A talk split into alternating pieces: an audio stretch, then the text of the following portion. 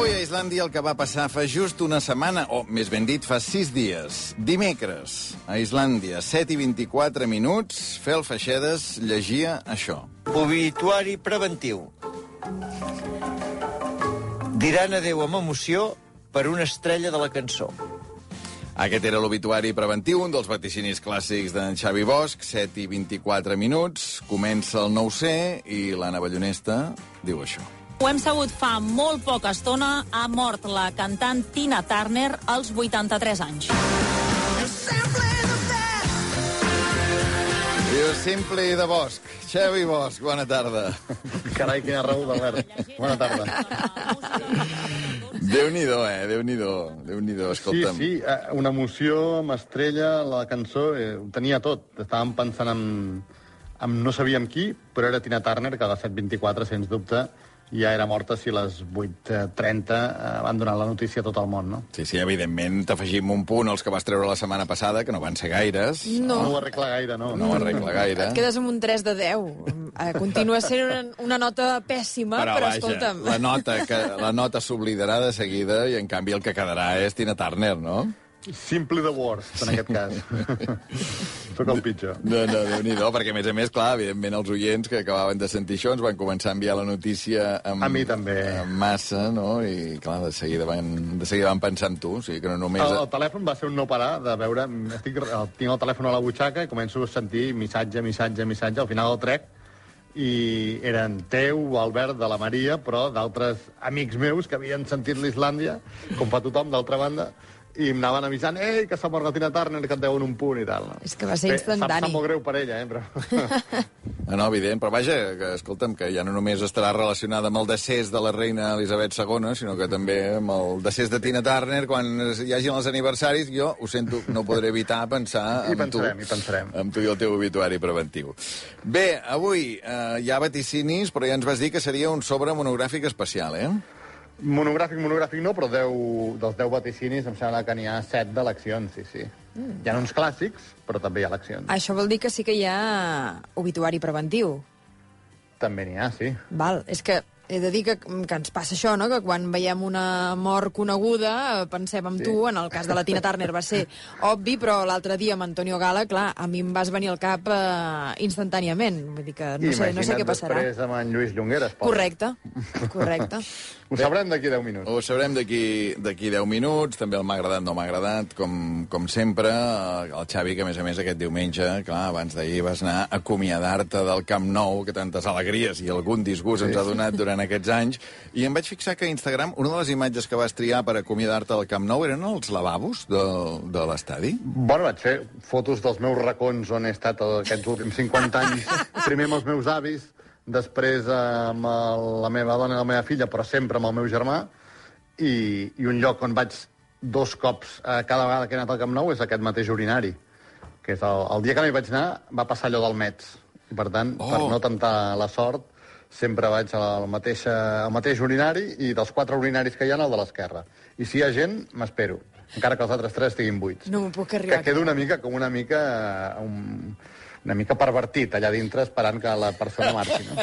Clar, perquè us heu d'imaginar, és a dir, eh, tinc la fotografia aquí al davant, que són els típics urinaris Sí, sí, de, que- masculins que estan a l'aire... ai, Enganxats bueno, amb velcro. lliure no, un, però- un amb l'altre enganxats amb velcro. Exacte, sí, sí. exacte. Molt bé. El de l'esquerra és el teu, eh? Era el teu, Sí? en tot cas. Sí, sí, aquest era el meu, sí, sí. Ja Bueno, no ho serà més. Perdona, però ara quan eh, posin a la venda la memorabilia, no? diguem, tot el marxandatge d'objectes, diguem, tu pots demanar... Crec que no hi haurà, diguem, no tindràs gaire competència per demanar aquest urinari, no?, per casa. No, vull avui la cadira, l'urinari, i em faria molta il·lusió, i si hi ha subhasta eh, licitaré per ella, un dels quatre banderons de córner. Em faria molta il·lusió tenir un banderó de córner del, Home. del Camp Nou.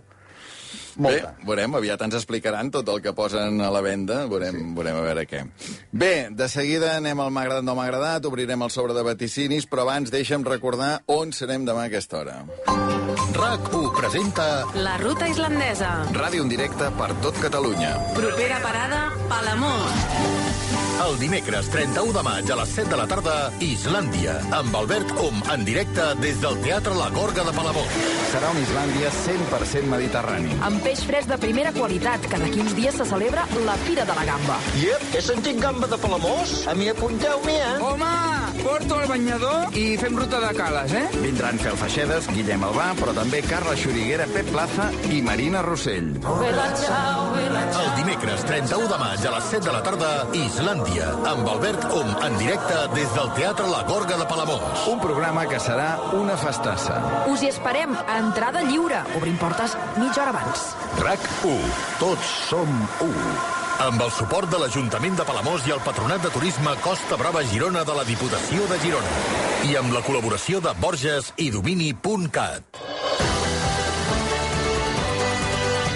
Doncs tots convidats a la festa. D'aquí menys de 24 hores serem a Palamós, al Teatre La Gorga, un teatre preciós, eh? I caben més de 300 persones, per tant, a mi m'agradaria que, que allò fes goig i que estigués ple. O sigui que si sou de Palamós o de Rodalies del voltant, no teniu excusa, veniu a veure una hora i mitja de ràdio en directe, que a més a més us prometem una festassa. I si sou de fora, jo crec que és l'excusa perfecta. Mira, al matí te'n vas a fer una, una escapadeta a la platja... O Que sigui, a més a més agafes farà... festa a la feina demà, Sí, directament. Sí, sí, Al matí sí. la platja. Al matí la platja perquè farà bon temps. Després te'n vas a, a menjar a algun dels restaurants d'allà de, de Palamós, que n'hi ha de boníssims, a menjar gamba. Gamba i peix de la, de la zona. I després, cap allà a dos quarts de set, cap al Teatre La Gorga, i a veure una hora i mitja de ràdio en directe. Ideal. Bé, us esperem demà al Teatre La Gorga de Palamós. Ara sí, anem pel m'ha agradat, no m'ha agradat. Borges us ofereix aquest espai. M'ha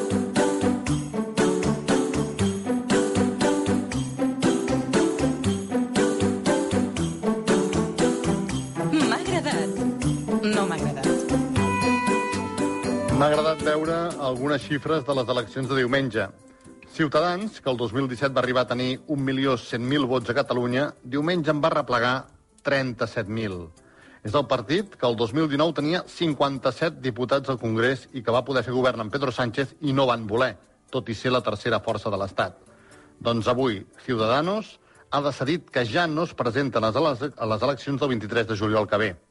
Sense la capacitat comunicativa d'Albert Rivera, al darrere no hi havia gaire res. Tot plegat, foc d'encenalls.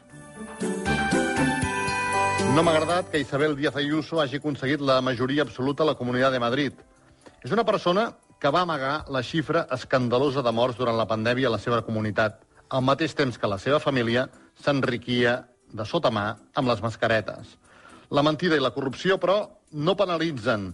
La gent vol viure enganyada i n'hi ha prou amb un parlar clar, amb un llenguatge llaminer, amb fer populisme, amb agafar la bandera de la llibertat i posar la xuleria de xotis per davant per arribar avui a presidenta de Madrid i demà a presidenta d'Espanya.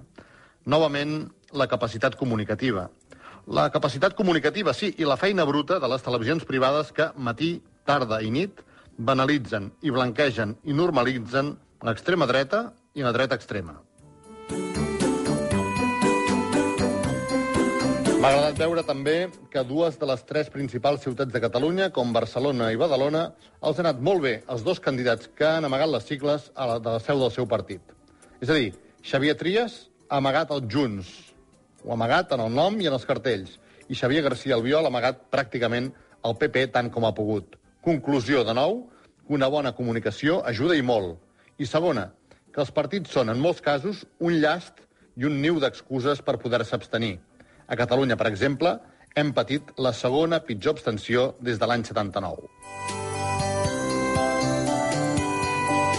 No m'ha agradat veure els resultats a les Illes i al País Valencià i començar tema per tot el que s'havia aconseguit per la llengua catalana en els últims anys. El PP, amb Vox, veurem que triguen a tornar a intentar residualitzar el català o el mallorquí o el valencià, perquè ara potser el més important ja no serà el nom, sinó intentar salvar la cosa.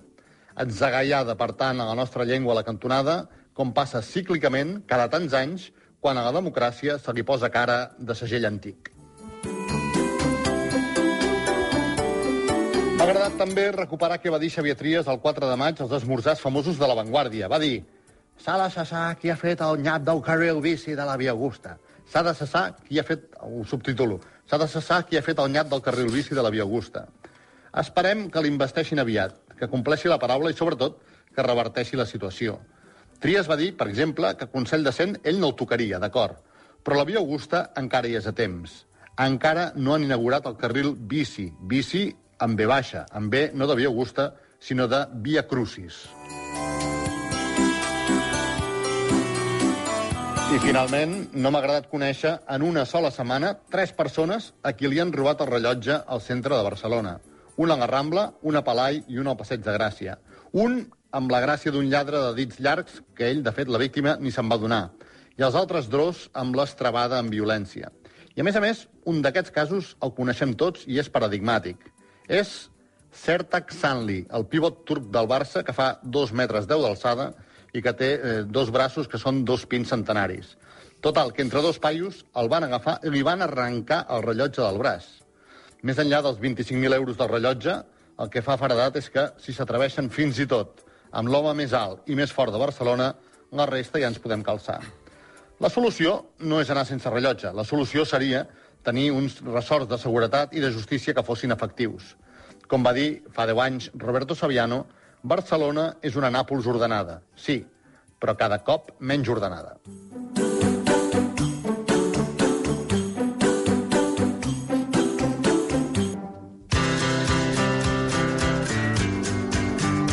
Doncs efectivament, avui amb hora i minuts i tot, 19-11, microimitació tries. Has apuntat, eh, Maria? Perquè ja sabeu que aquesta temporada el Xavi me n'està donant amb comptagotes i, i això, això és or.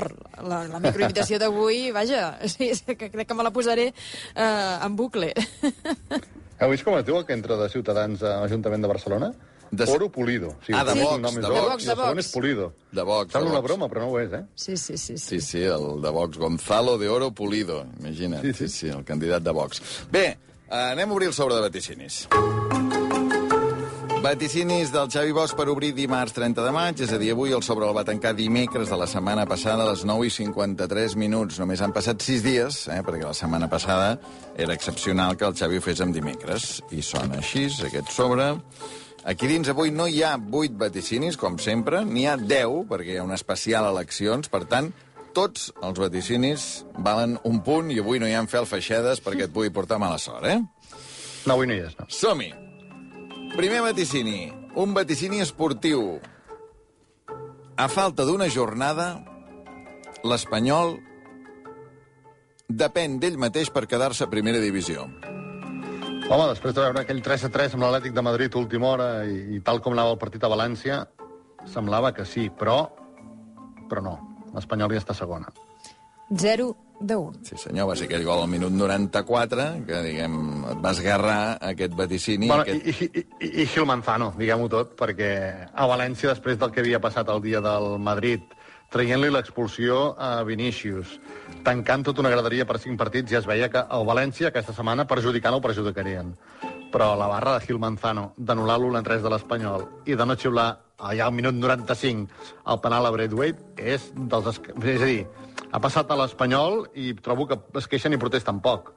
Però, però això és tela, eh? Perquè envien un equip a segona. 0 de 1. 0 de 1. Segon vaticini, val un punt. Anem a política ja. Aquí comença una rastellera de 7 vaticinis electorals. L'alcaldable amb més vots a Barcelona és... Ada Colau. Doncs no. El meu nas, el flaire, va fallar absolutament. No va quedar ni primera ni segona, va quedar tercera. Va guanyar Xavier Trias. Seguim amb el 0, sense el fel. 0 de 2. Tercer vaticini. Anna Grau, de Ciutadans, queda fora del consistori. Va aconseguir 7.000 vots, la meitat que li va Parera, ni l'una ni l'altra no van entrar a l'Ajuntament. Doncs t'estrenes. 1 de 3. Quart vaticini, tercer dels polítics. A Badalona, el candidat més votat és Xavier García Albiol. I amb una majoria absoluta eh, sobradíssima, de les més sobrades de, de, no només de Catalunya, sinó d'Espanya. Tu de moment encara no vas sobrat, però ja tens un 2 de 4. Dos de quatre, cinquè vaticini. Al conjunt d'Espanya, a les eleccions municipals, el partit que aconsegueix més vots absoluts és el PSOE. Mirem-ho. El PSOE va aconseguir tot Espanya a les municipals, eh? 20, eh, 20 milions 784.000 vots. El PP en va sumar 23.412.000. És a dir, 3 milions més de vots que el PSOE. Quina vista que tinc. Vols dir 20 milions? Pot ser? 20 i 23? Eh, és, és el que he vist al diari, sí. Trobes que són molta gent? Jo em sembla que sí, no? Perquè si hi ha 48 milions de ciutadans a Espanya, no? Ara he reciclat tant l'Ara com la Vanguardia, els he reciclat, els d'ahir, que és on sortien les xifres. En tot cas, en tot cas, en tot cas va guanyar el PP. Exacte, això no altera el vaticini, eh? Però vull dir que... mm, No sé, em semblaria més una xifra més... que hauria de ser més baixa, perquè 20 i 23, clar, hauria votat... Eh, Tot, tot Déu. Sí, tot Déu, i, i no és el I, I cas. només haurien votat aquests dos partits. Sí, sí, Sí, sí.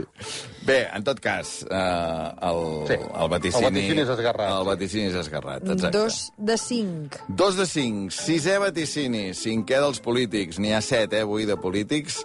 A la Comunitat de Madrid, Ayuso guanya amb majoria absoluta. Que guanyava estaria clar, majoria absoluta no la tenia ni l'havia tingut mai. S'esperava que pactés amb Vox. No li caldrà. La majoria estava a 68 escons, n'ha aconseguit 68. Tres de sis. 3 de 6. Setè vaticini. La primera força a la Comunitat Valenciana és el Partit Popular. El 2019 era la segona, hi ha hagut sorpasso, ara és la primera. Aquest sí. Quatre de set. 4 de 7. A, a nivell electoral, 4 de 7 eh, està per damunt de l'aprovat. A veure, Xavi, estic veient una cosa, eh? Que eh, t'has descuidat un vaticini. N'has fet nou. Què dius ara? Sí, perquè hi ha un vaticini esportiu, poses set vaticinis electorals, però només n'hi ha sis, i ara veig que ja només queda l'obituari preventiu o uh, l'últim, el clàssic. Per tant, És que soc, és que soc de lletres. per tant, un dels dos hauràs de triar que valgui dos punts. doncs avui trio excepcionalment l'últim. L'últim. Perfecte, perfecte. De moment, com anem? La cosa com va? Ara mateix 4 de 7. 4 de 7. Doncs Alguna va. cosa em fa pensar que el següent eh, punt no el tindrem. A veure, obituari preventiu. Val un punt. Aquí jau un cuiner genial que l'ha dinyat en campanya electoral.